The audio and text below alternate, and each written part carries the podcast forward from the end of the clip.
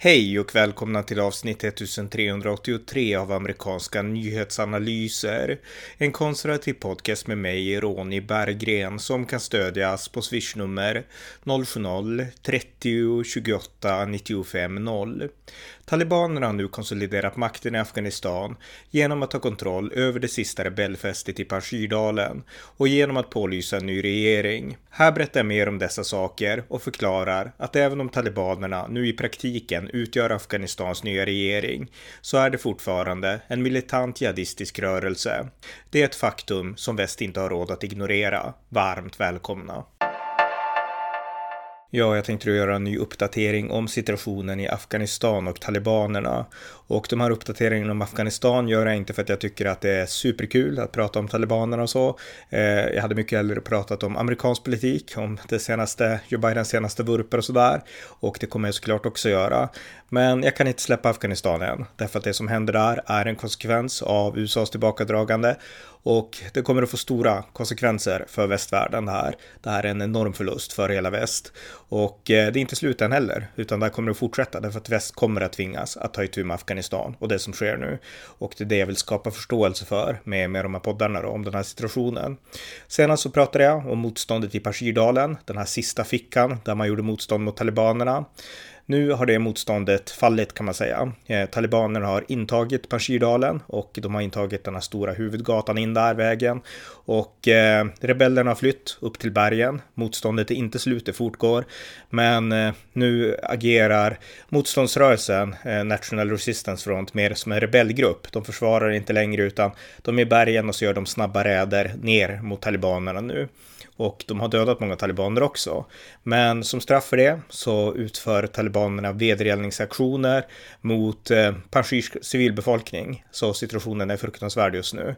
Eh, ledarna för den här motståndsrörelsen, Ahmad Massoud och eh, Amrullah Saleh, de har nu tagit sig enligt uppgifter till Turkiet. Så att de har tvingats lämna Pashir nu. Men eh, motståndet fortsätter som sagt på vissa håll. Och eh, jag lyssnade på en intervju nyligen med eh, Arman Matsouds eh, farbror Ahmad Wali Massoud. Eh, alltså bror till fadern, eh, Ahmad Sav Massoud. Och den här brodern och farbrodern, Ahmad Wali Massoud, han är i Turkiet nu också tror jag. Och eh, han, eh, han sa så här, där han manade Europa att stödja det motstånd som finns i Pashirdalen. So therefore we expect the Western world, especially European, to really help the resistance in any way they can and kind of uh, with our voice in other humanitarian and material and logistic in any way they can because this is the only hope to really combat against the terrorism, to fight terrorism. If you don't do that one today in Afghanistan to help the terrorism, tomorrow you'll have to do it in Europe. There is no doubt about this one. Och eh, Ahmad Valiva Massoud, han manar alltså här i Europa att stödja motståndsrörelsen, det motstånd som finns kvar. Och om det inte görs så då kommer terrorismen också att komma till Europa. Och det här kan ju lätt avfärdas som en desperat mans försök att vädja om hjälp. Men jag anser att han gör en korrekt analys. Jag delar den analysen. Terrorhotet nu är större mot Europa än det har varit på lång tid på grund av det som nu har hänt i Afghanistan efter USAs tillbakadragande. Eh, vi ska komma ihåg att eh, talibanerna som nu styr Afghanistan, de är al-Qaidas beskyddare. Det har inte förändrats och eh, de stred med al-Qaida i Pashirdalen nu. De har otroligt många kopplingar till al-Qaida och talibanregimen som nu har tagit makten, den här regeringen som jag kommer att prata mer om, det är en terroristregering. Det är terrorister som styr den här regeringen och kopplingarna till al-Qaida är tydliga. Och vi ska komma ihåg att al-Qaida har som mål att attackera väst. Det är det som skiljer al-Qaida från 99 procent av alla andra jihadiströrelser. De har enskilda mål att attackera någon muslimsk regering eller attackera i Mellanöstern eller kanske mot Indien, Kashmir och det här eller i Asien. Men al-Qaidas mål har varit att attackera väst. Inte enbart väst, men i synnerhet väst och västerländska styrkor. Det var därför al-Qaida i Irak var ett enormt problem, därför att man åkte dit amerikanerna fanns och krigade mot dem. Och eh, det var al-Qaida som låg bakom 9-11-attacken mot USA 2001. Men den här gången så är det inte USA som är det stora målet. Eh, det är av två anledningar. Dels för att USA byggt upp en enorm säkerhetsapparat sedan 9-11-attacken 2001 och inga storskaliga terroristdåd utifrån har lyckats genomföras mot USA sedan den 11 september 2001. USA har en enorm säkerhetsapparat. Europa har inte det och al-Qaida har lyckats attackera Europa. London 2004, Madrid 2005, hundratals europeer har dött i al-Qaidas attacker. Och vi ska komma ihåg att al-Qaida där var på 2000-talet och al-Qaida hade innan, på 2000-talet innan USA decimerade al-Qaida. För det var det exakt det som USA gjorde i kriget mot terrorismen. Man slog ut al-Qaida överallt i, i Afghanistan och senare Pakistan med drönare. Man slog ut al-Qaida i Jemen. Man slog ut al-Qaida i Irak i synnerhet dit tusentals al-Qaida-krigare kom, de krossades till slut av USA under Bush ledarskap och general Petraeus. Så att eh, USA besegrade al-Qaida, men nu kommer al-Qaida att göra comeback. Och eh, det är svårt. Att, alltså, Al-Qaida kommer inte att lyckas attackera USA på samma sätt som man gjorde tidigare igen. USA är för starkt idag och för vaksamma. Därtill så ska vi komma ihåg också att talibanerna har slutit ett avtal med USA, Doha-avtalet som slöts mellan talibanerna och Donald Trumps regering. Och eh, det avtalet går ut på bland annat att eh, talibanerna måste se till att terrorism inte drivs mot USA. Så talibanerna kommer inte att acceptera att al-Qaida förmodligen då inte accepterar det, att al-Qaida attackerar USA. Och det är av ett väldigt enkelt skäl. USA har makt att störta talibanerna igen och det vill inte talibanerna, utan nu vill man bygga upp sitt islamiska emirat. Så att det finns inga incitament längre att låta al-Qaida attackera USA. Men att däremot attackera Europa, det är en helt annan sak. Och det är av två skäl. Europa har inte förmågan att störta talibanerna. Europa kan inte störta talibanerna. Det är bara USA som kan det. Och eh, ja, Al-Qaida har liksom inget, eller talibanerna har inget avtal heller med Europa. De har inte lovat Europa att Al-Qaida ska inte attackera Europa. Så att Europa är försvarslöst på ett sätt som USA inte är. Så att eh, jag delar helt, helt Ahmad Wali Masouds analys att eh, om det sista motståndet i Afghanistan faller, som är motståndsrörelsen som nu är väldigt svag då och har flytt till bergen, men som ändå fortfarande lever i Panjshir. Om den blir totalt krossad, då kommer al-Qaida att rikta, rikta blickarna åt annat håll. Och al-Qaida som jag berättade i en tidigare podd, de har ju lovordat talibanerna för att de vann en seger i Afghanistan och de pratar om jihad mot Kashmir och mot andra områden då. Men de kommer också att blick, rikta blickarna mot Europa, kanske inte riktigt än, för att fortfarande så ska vi komma ihåg att al-Qaida är ingenting mot vad det var för 20 år sedan. USA har verkligen krossat al-Qaida, men de kommer att kunna göra comeback under talibanernas beskydd. Det finns ingen som kommer att stoppa dem nu. Eh, USA kommer inte gå in igen, i alla fall inte under Joe Bidens presidentadministration. Eh, Europa kan det inte. Ryssland och Kina så kommer såklart inte att invadera Afghanistan. Så att eh, de har fått en nation som kommer att beskydda dem nu och det är Afghanistan. Och de kommer att få mer beskydd där än de fick i Pakistan. Så att eh, det här är ett enormt, ett enormt problem för Europa som, som vi, vi, vi, bör ta den här varningen på allvar helt enkelt. Med det sagt så tänkte jag ändå gå vidare och eh, om vi då ändå utgår från att Panjshir har fallit, även om vissa rebeller finns i bergen, då är frågan varför föll Panjshir? Och ni som följer mig på Facebook, det är inte alla, men några av er som lyssnar kanske gör det. Ni vet att jag skrivit ganska mycket om den här situationen i Afghanistan, steg för steg. Eh, först så manade jag USA, eller madade USA, det, det lät storslaget, men jag skrev min analys, min bedömning och min åsikt var att USA inte borde lämna Afghanistan. Men om USA ändå skulle lämna Afghanistan så borde man vara beredd att omvärdera det beslutet om talibanerna började inta städer. Det gjorde talibanerna. USA omvärderade inte och då sa, skrev jag att men USA borde ändå se till att Kabul inte faller, för till Kabul flydde det människor från hela Afghanistan och alla trodde att Kabul kommer ändå inte att falla. Och eh, om man börjar inse att eh, ja, den afghanska regeringen klarar inte ens att hålla Kabul, då borde man skicka in styrkor igen. Det skedde inte, Kabul föll och det sista motståndet var i Panjshir och jag har ju poddat om det här och skrivit om det att nu måste väst stödja Panjshir åtminstone så att det åtminstone blir en fri region, en talibanfri zon kvar i Afghanistan med det här västerländska som vi ändå investerat 20 år i. Eh, det skedde inte heller. Och nu har alltså Panshir fallit kan man säga då. Så att varför föll Panshir? Och jag såg en video då på eh, Crux, eh, Crux eh, YouTube-kanal, en, en kanal som har analyserat den här situationen ganska ingående från första början i Panshir. då. Och analysen där var helt enkelt att den första orsaken till att Panjshir föll, det var att talibanerna hade omringat hela Panjshirdalen. Så var det inte på 1990-talet när Ahmad Masouds pappa, Ahmad Samasud eh, ledde norra alliansen. Då hade man fortfarande provinserna i norr medan talibanerna styrde Kabul och det gjorde att man kunde få logistik och stöd från taikistan och även andra länder. Eh, det gick inte nu därför att talibanerna har skurit av logistiken och omringat Panjshirdalen. Så att det var en skillnad. Och jag manade i ett poddavsnitt till att väst borde ha sett, satt in en luftbro för att liksom förändra det här förhållandet när liksom all logistik var avskuren. För talibanerna hade inte kunnat stoppa en luftbro. Det skedde inte, men eh, det hade ändå varit en väg framåt. Eh, den andra orsaken till att Pashir föll, enligt den här videon, det var att eh, talibanerna understöddes av Pakistan. Och vi ska komma ihåg att talibanerna är en enkel terrorrörelse. De har inget luftvapen, eller nu har de visserligen tagit över flygplan och helikopter från den af afghanska armén och från, ja, som USA lämnade kvar då. Men eh, de har inga, det finns väl någon som kan flyga, men de har in, inte fått igång den här luftflottan än. Utan de, de fick hjälp helt enkelt av Pakistan. Och de fick hjälp med underrättelser från luften Pakistans underrättelsechef var i Kabul och diskuterade med talibanerna med all sannolikhet. Eh, de fick hjälp enligt uppgifter med specialstyrkor från Pakistan som åkte in med fallskärmar och eh, de fick hjälp med vapen, proviant och ammunition och sådana saker.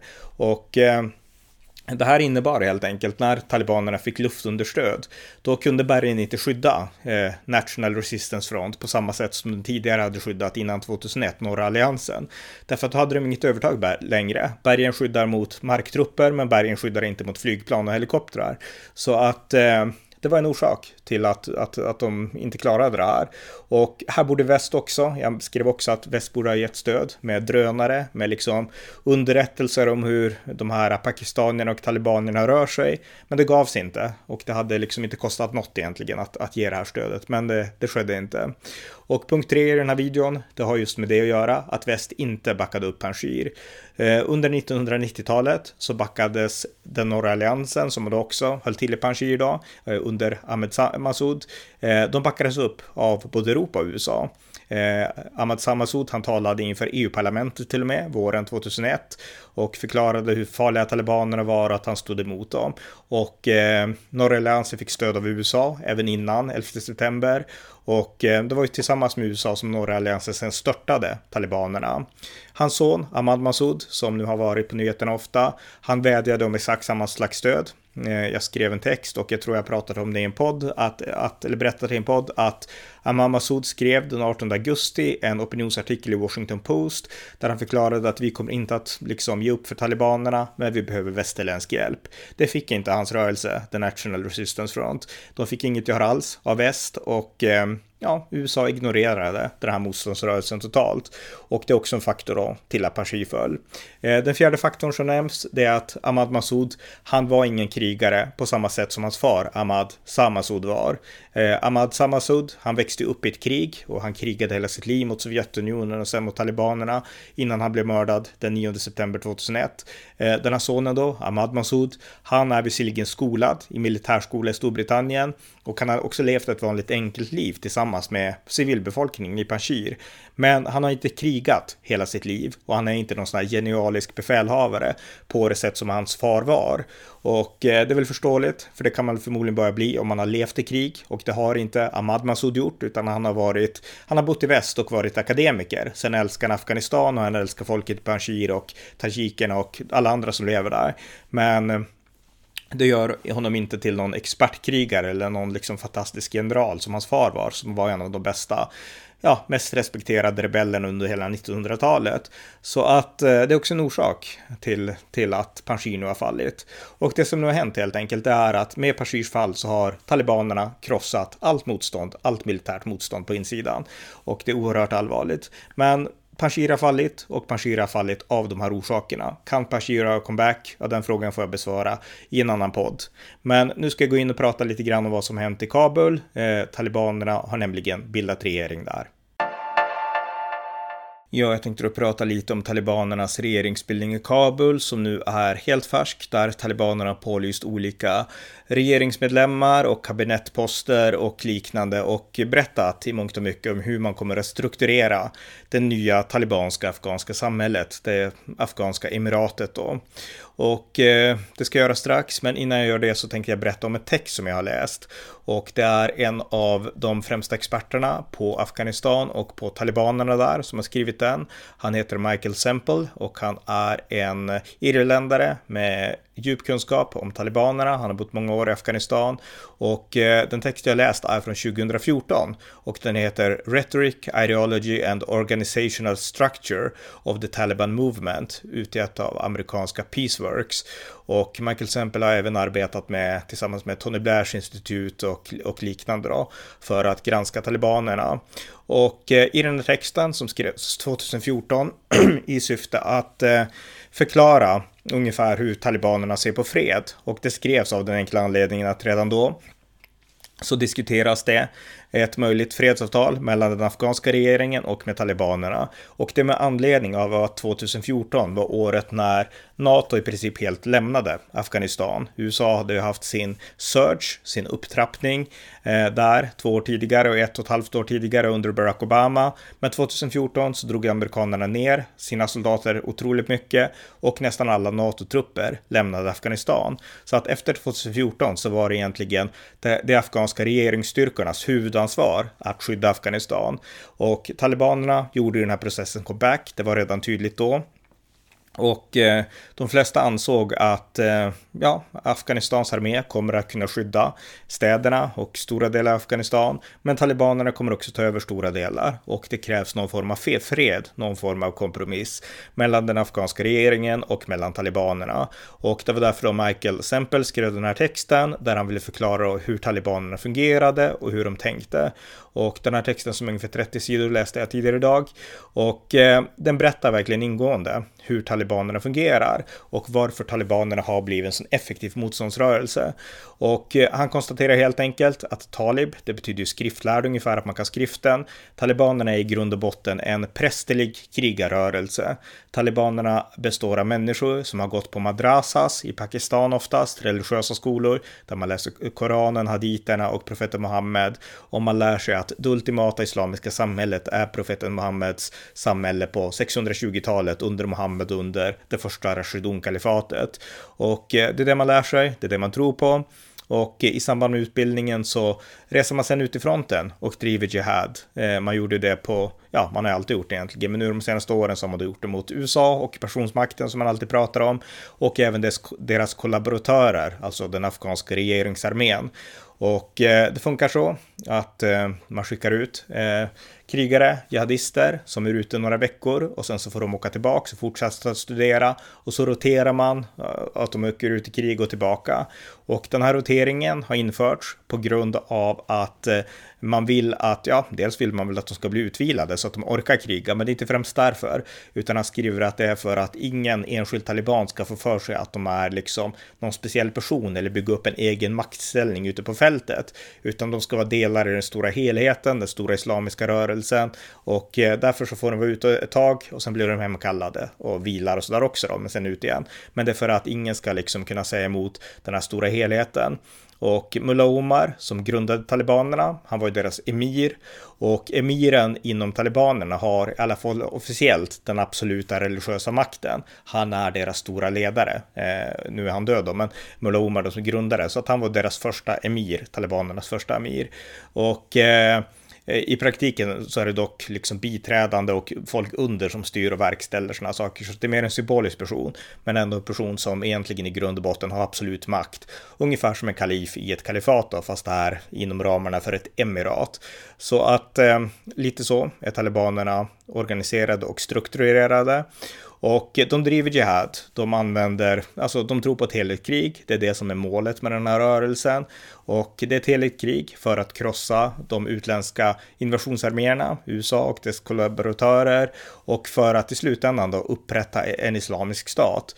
Och de som krigar för talibanerna, de lär sig att eh, att tro på det här stenhårt, att det här är liksom vägen framåt. Man utbildar självmordsbombare och eh, ja, man ut, utbildar helt enkelt jihadister och eh, de här tror ju att de tillhör en upplyst liten skara som har lärt sig sin religion och eh, utifrån ja, en fanatisk övertygelse driver det här kriget. För det är ett religionskrig där. Talibanerna driver ett religionskrig. Det är en jihadrörelse. Islams heliga krig. Det är det det handlar om.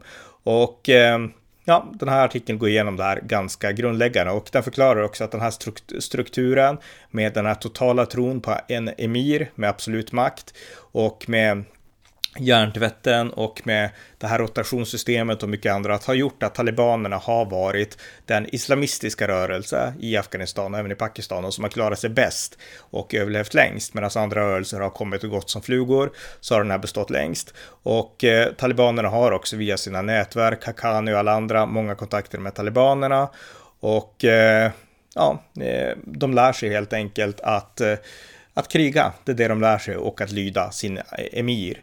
Eh, så att det finns en oerhört, eh, liksom, det är en oerhört hierarki inom talibanerna och en oerhörd, liksom, ja, hjärntvätt och en oerhörd eh, blindtro på emiren och på att man, emiren vet vad som är, hur man följer profeten Muhammed och vad som är Allahs vilja ungefär. Så att det, det är en stark struktur de har. Och eh, de pratar ofta om att eh, ja, eh, att liksom driva en konflikt mot motrogna och sådana saker. Och eh, jag sitter nu och går igenom den här texten bara lite grann, olika markeringar jag har gjort.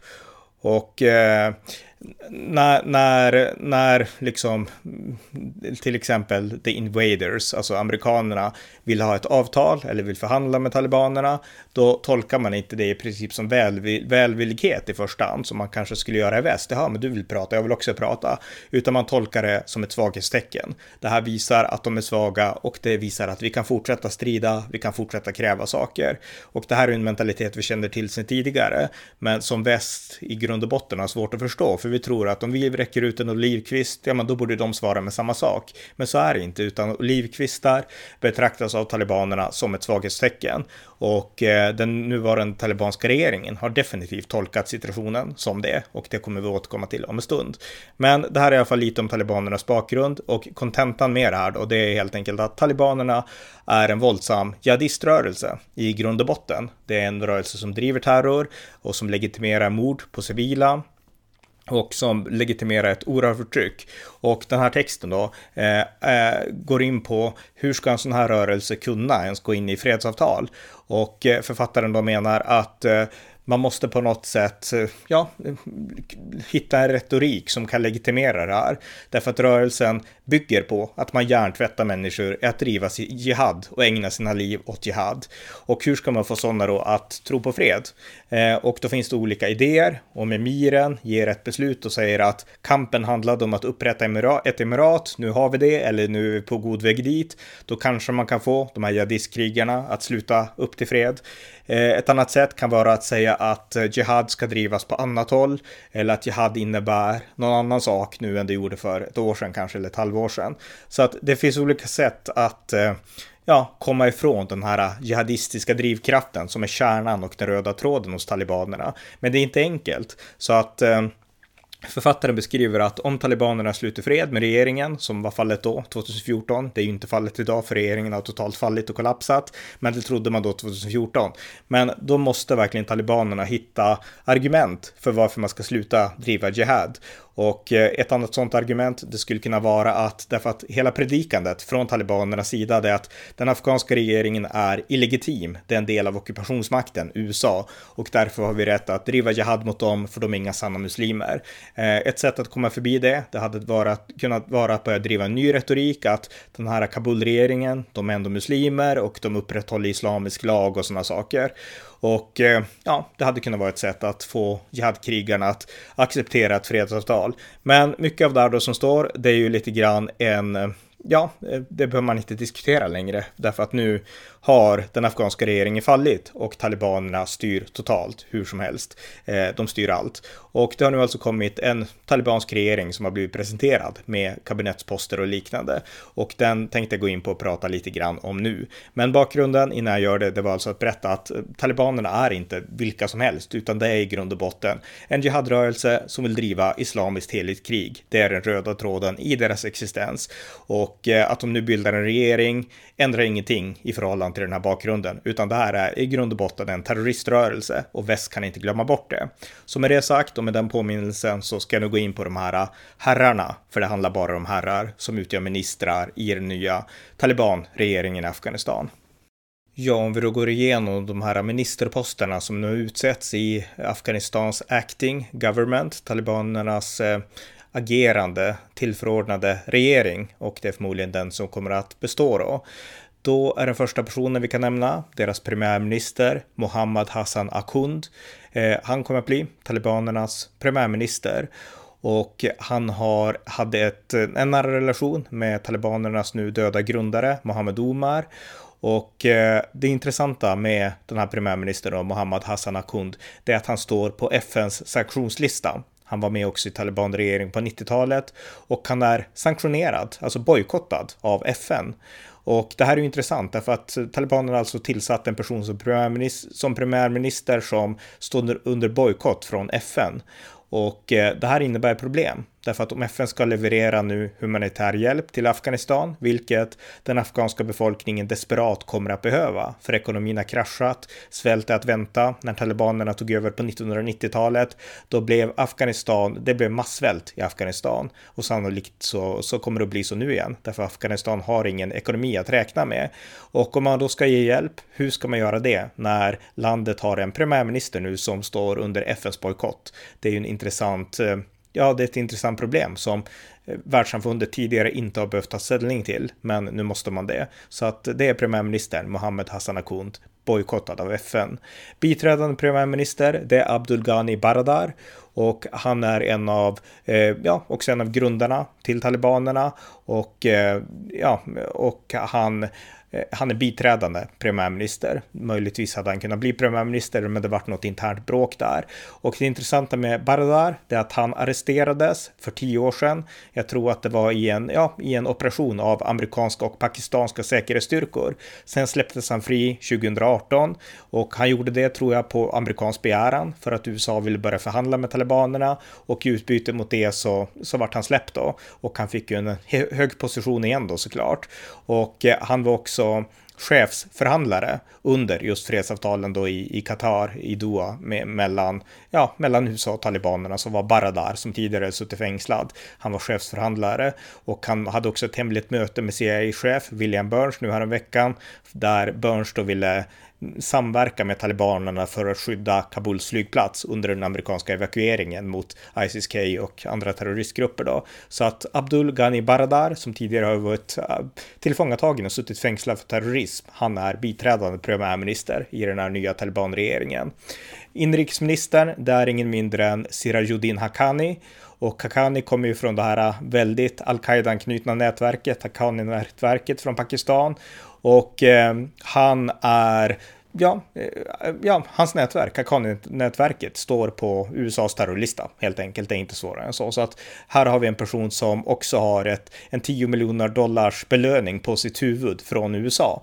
Eh, FBI erbjuder alltså 10 miljoner dollar till den som kan hitta och överlämna Haqqani till USA. Och nu är han Afghanistans inrikesminister och han går omkring helt öppet. Han är inte det minsta rädd för USA, för USA har flytt fältet och de finns inte där. Så att han är inte rädd alls för FBI eller för USA, utan han är nu Afghanistans inrikesminister. Inte svårare än så. Eh, och eh, han kommer då från sitt, ja, semi-al-Qaida-nätverk, Haqqani-nätverket.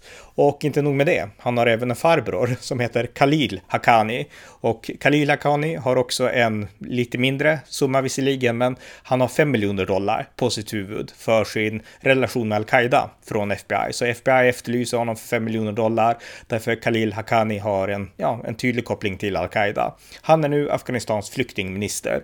Så att, eh, jag vet inte, vad ska man säga egentligen. Två personer från Haqqani-nätverket är alltså ministrar i den nya talibanregimen. Och det är en blod, alltså det, det är liksom, det är en totalkoppling till al-Qaida. Det, det, det, är liksom, det, finns, det går inte att liksom på något sätt prata bort det, utan det här är, det är glasklart. Eh, eh, talibanernas grundare, Mullah Omar, hans son Mohammad Yaqub, han blir försvarsminister och eh, ja, han blir försvarsminister, så det är en liksom, koppling till liksom, det gamla gard, gardet talibaner. Då.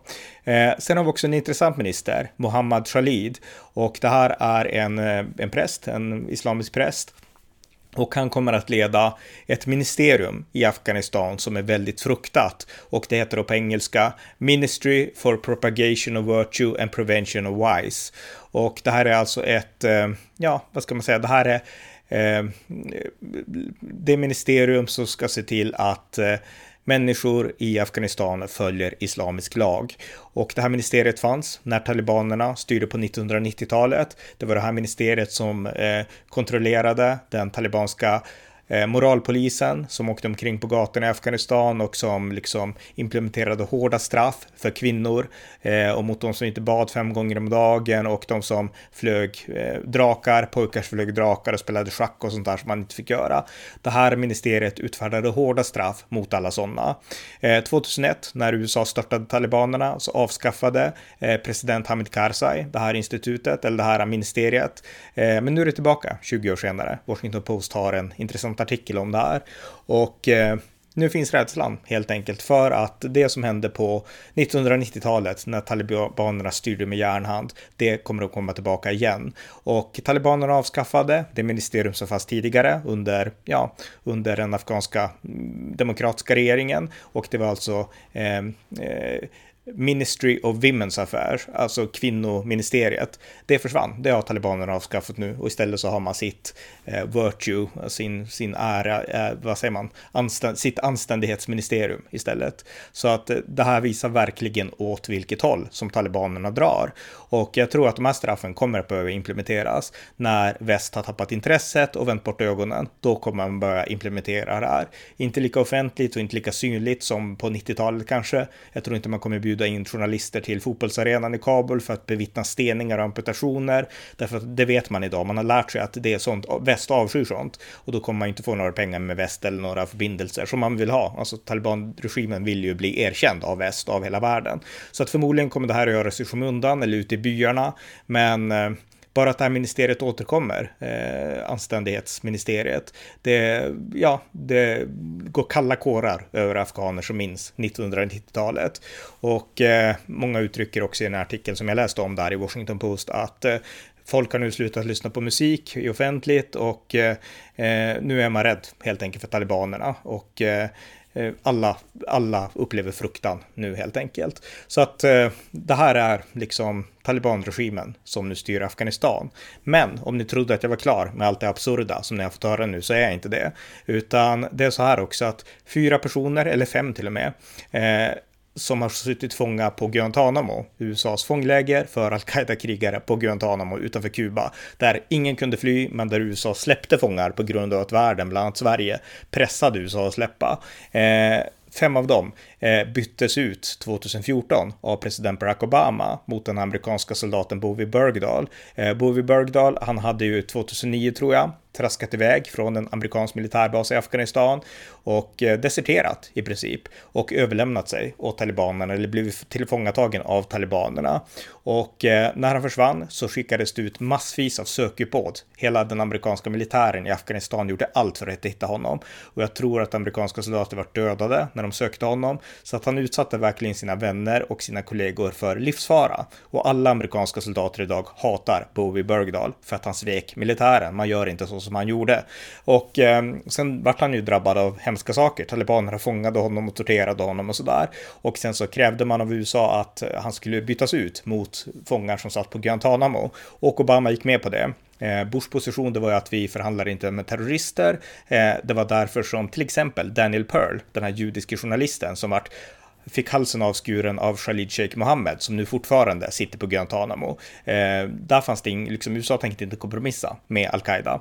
Eh, men Obama gjorde det och han sa att vi vill ha tillbaka Bovie Bergdahl och i utbyte mot det så släpper vi fem fångar från Guantanamo.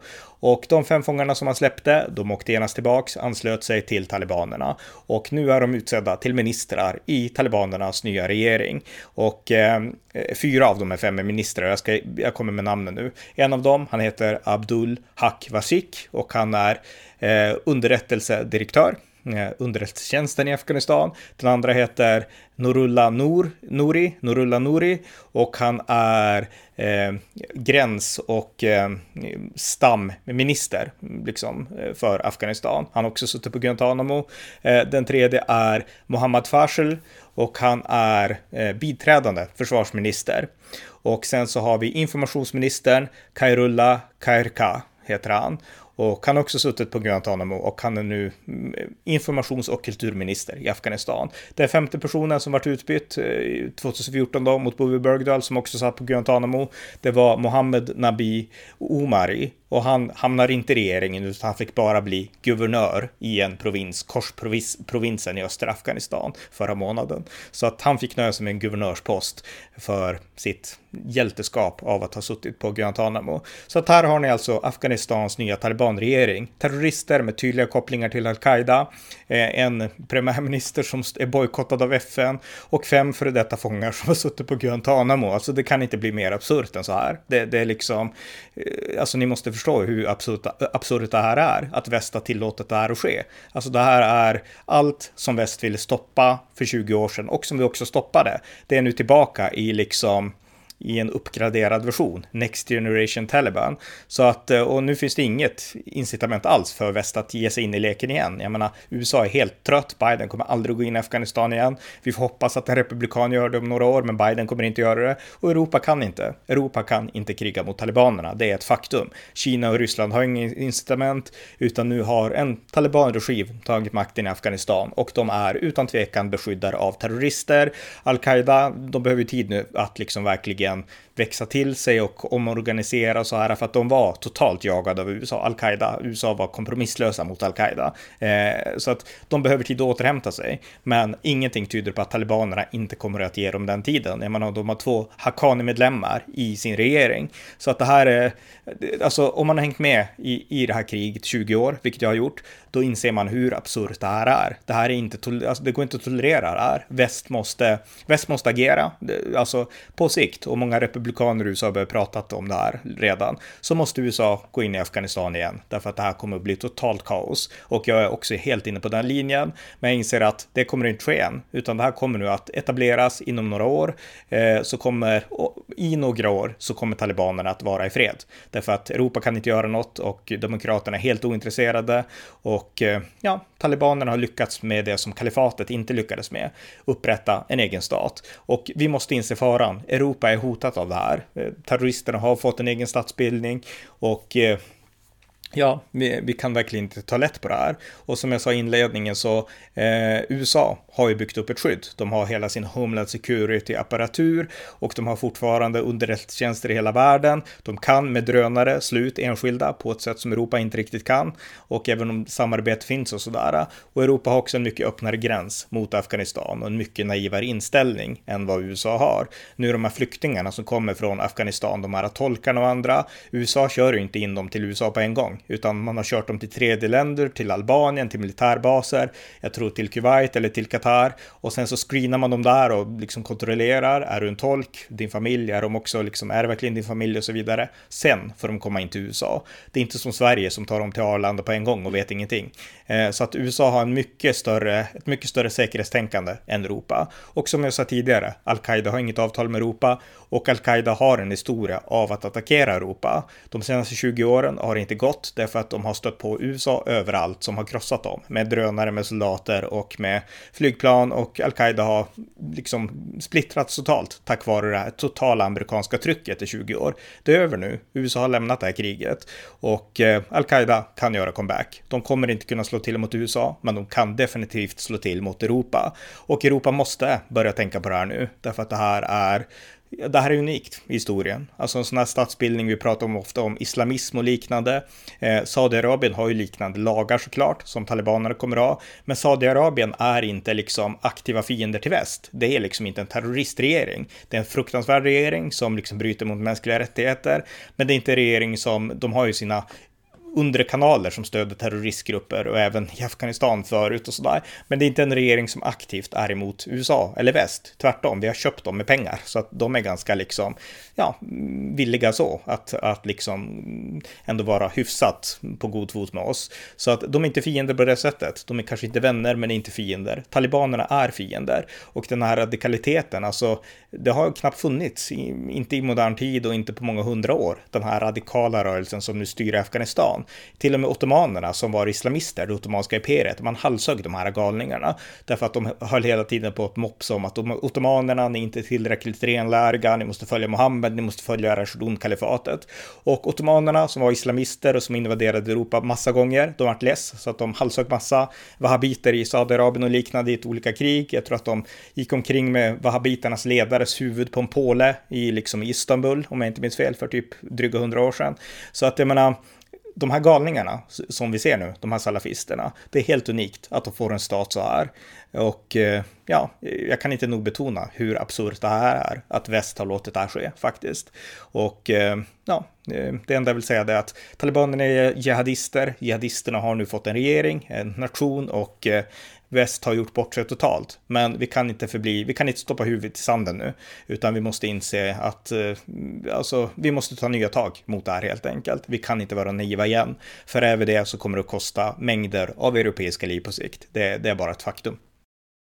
Ja, då har ni alltså fått en uppdatering om situationen i Afghanistan och den här nya talibanregeringen som har krossat allt motstånd. Men innan jag avslutar helt så skulle jag vilja spela ett citat från min favoritpresident i USA, George W. Bush. Han var en president som tog kriget mot militant islam på största allvar och han varnade för att blunda och för att låta det som nu har skett ske. Han varnade för det redan för 15-20 år sedan. Och jag tänkte spela två klipp av Bush. Ett, ett klipp här är från 2007 när han pratar om Al-Qaida, visserligen i Irak, men det är samma poäng här. Att man kan inte låta dem vinna och det här är terrorister. De kommer inte att gå tillbaks och leva lugna liv. Så att här är ett klipp av Bush från 2007 när han manade USA att fortsätta hårt i kampen mot Al-Qaida och kriget mot terrorismen. Al-Qaida in Iraq shares Osama bin Laden's goal of making Iraq a base for its radical Islamic empire and using it as a safe haven for attacks on America. Fellow citizens, these people have sworn allegiance to the man who ordered the death of nearly 3,000 people on our soil. Al Qaeda is public enemy number one for the Iraqi people. Al Qaeda is public, public enemy number one for the American people, and that is why, for the security of our country, we will stay on the hunt. We'll deny them safe haven, and we will defeat them where they have made their stand. Some note that Al Qaeda in Iraq did not exist until the U.S. invasion and argue that it is a problem of our own making. The argument follows the flawed logic that terrorism is caused by American actions.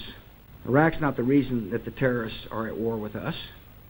We were not in Iraq when the terrorists bombed the World Trade Center in 1993. We were not in Iraq when they attacked our embassies in Kenya and Tanzania. We were not in Iraq when they attacked the USS Cole in 2000. And we were not in Iraq on September the 11th, 2001. Our action to remove Saddam Hussein did not start the terrorist violence and America withdrawal from Iraq would not end it. The Al Qaeda terrorists now blowing themselves up in Iraq are dedicated extremists who have made killing the innocent the calling of their lives. They are part of a network that has murdered men, women, and children in London and Madrid. slaughtered fellow Muslims in Istanbul and Casablanca, Riyadh, Jakarta, and elsewhere around the world. If we were not fighting these Al Qaeda extremists and terrorists in Iraq, they would not be leading productive lives of service and charity. Most would be trying to kill Americans and other civilians elsewhere, in Afghanistan, or other foreign capitals. If we were to cede Iraq to men like this, we would leave them free to operate from a safe haven which they could use to launch new attacks on our country.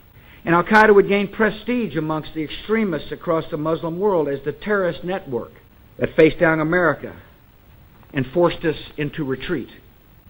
If we were to allow this to happen, sectarian violence in Iraq could increase dramatically, raising the prospect of mass casualties. for the security of our citizens and the peace of the world. We must give General Petraeus and his troops the time and the resources they need so they can defeat Al Qaeda in Iraq. Och eh, här är ett annat klipp av Bush och det här är från Bushs avskedstal i januari 2009 när han skulle lämna över makten till Barack Obama. Han tittade tillbaka på sitt presidentskap och gav några varnande ord inför framtiden. Att USA och väst kunde inte börja blunda, även om man kanske frestades att göra det och gärna ville stoppa huvudet i sanden eh, när man såg de här externa hoten. Men man kunde inte göra det, utan man måste fortsätta vara på offensiven. Det sa Bush. Och eh, jag vill avsluta den här podden med ett stycke av det talet. Och jag håller helt med Bush in på saken. Det var rätt för tio år sedan, eh, ja, tolv år sedan nu när han höll det här talet och det är fortfarande rätt. Vi kan inte blunda, vi kan inte stoppa huvudet i sanden, utan nu är det allvar på riktigt. Det hot som kommer att riktas nu mot Europa är större än det som var för 20 år sedan. Därför att då var det USA som var i fokus och USA svarade med full styrka egentligen. Europa har inte den kapaciteten. Så lyssna på Bushs varningsord. This evening my thoughts return to the first night I addressed you from this house, September the 11th, 2001. That morning, terrorists took nearly 3,000 lives in the worst attack on America since Pearl Harbor. And with strong allies at our side, we have taken the fight to the terrorists and those who support them. Afghanistan has gone from a nation where the Taliban harbored Al Qaeda and stoned women in the streets to a young democracy that is fighting terror and encouraging girls to go to school. There's legitimate debate about many of these decisions, but there can be little debate about the results. America has gone more than seven years without another terrorist attack on our soil. This is a tribute to those who toil night and day to keep us safe law enforcement officers, intelligence analysts, homeland security and diplomatic personnel, and the men and women of the United States Armed Forces. Our nation is blessed to have citizens who volunteered to defend us in this time of danger.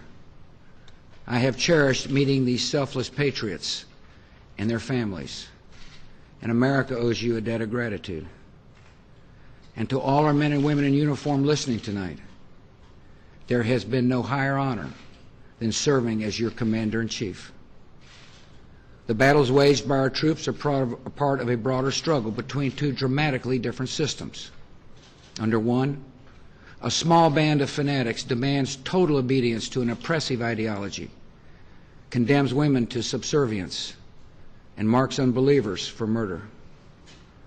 The other system is based on the conviction that freedom is the universal gift of Almighty God, and that liberty and justice light the path to peace. This is the belief that gave birth to our nation. And in the long run, advancing this belief is the only practical way to protect our citizens. Like all who have held this office before me, I have experienced setbacks. And there are things I would do differently if given the chance. Yet I've always acted with the best interests of our country in mind. I have followed my conscience and done what I thought was right. The decades ahead will bring more hard choices for our country, and there are some guiding principles that shape, should shape our course. While our nation is safer than it was seven years ago, the gravest threat to our people remains another terrorist attack. Our enemies are patient and determined to strike again. America did nothing to seek or deserve this conflict, but we have been given solemn responsibilities and we must meet them. We must resist complacency. We must keep our resolve, and we must never let down our guard. At the same time, we must continue to engage the world with confidence and clear purpose. In the face of threats from abroad, it can be tempting to seek comfort by turning inward. But we must reject isolationism and its companion, protectionism. Retreating behind our borders would only invite danger. In the 21st century, security and prosperity at home depend on the expansion of liberty abroad. If America does not lead the cause of freedom, that cause will not be led. as we address these challenges and others we cannot foresee tonight. America must maintain our moral clarity. I've often spoken to you about good and evil, and this has made some uncomfortable. But good and evil are present in this world, and between the two, there can be no compromise. Murdering the innocent to advance an ideology is wrong every time, everywhere. Freeing people from oppression and despair is eternally right. This nation must continue to speak out for justice and truth. We must always be willing to act in their defense and to advance the cause of peace. These virtues give me an unshakable faith in America. We have faced danger and trial, and there's more ahead. But with the courage of our people and confidence in our ideals, this great nation will never tire, never falter, and never fail. It has been the privilege of a lifetime to serve as your president. There have been good days and tough days. But every day I have been inspired by the greatness of our country and uplifted by the goodness of our people. I have been blessed to represent this nation we love, and I will always be honored to carry a title that means more to me than any other citizen of the United States of America. And so, my fellow Americans, for the final time, good night. May God bless this House and our next president. And may God bless you and our wonderful country. Det var avsnitt 1383 av amerikanska nyhetsanalyser. En konservativ podcast om amerikansk politik som kan stödjas på swishnummer 070-30 28 95 0 eller genom att via hemsidan stödja på Paypal, Patreon eller bankkonto. Det var allt för den här gången. Tack för att ni har lyssnat.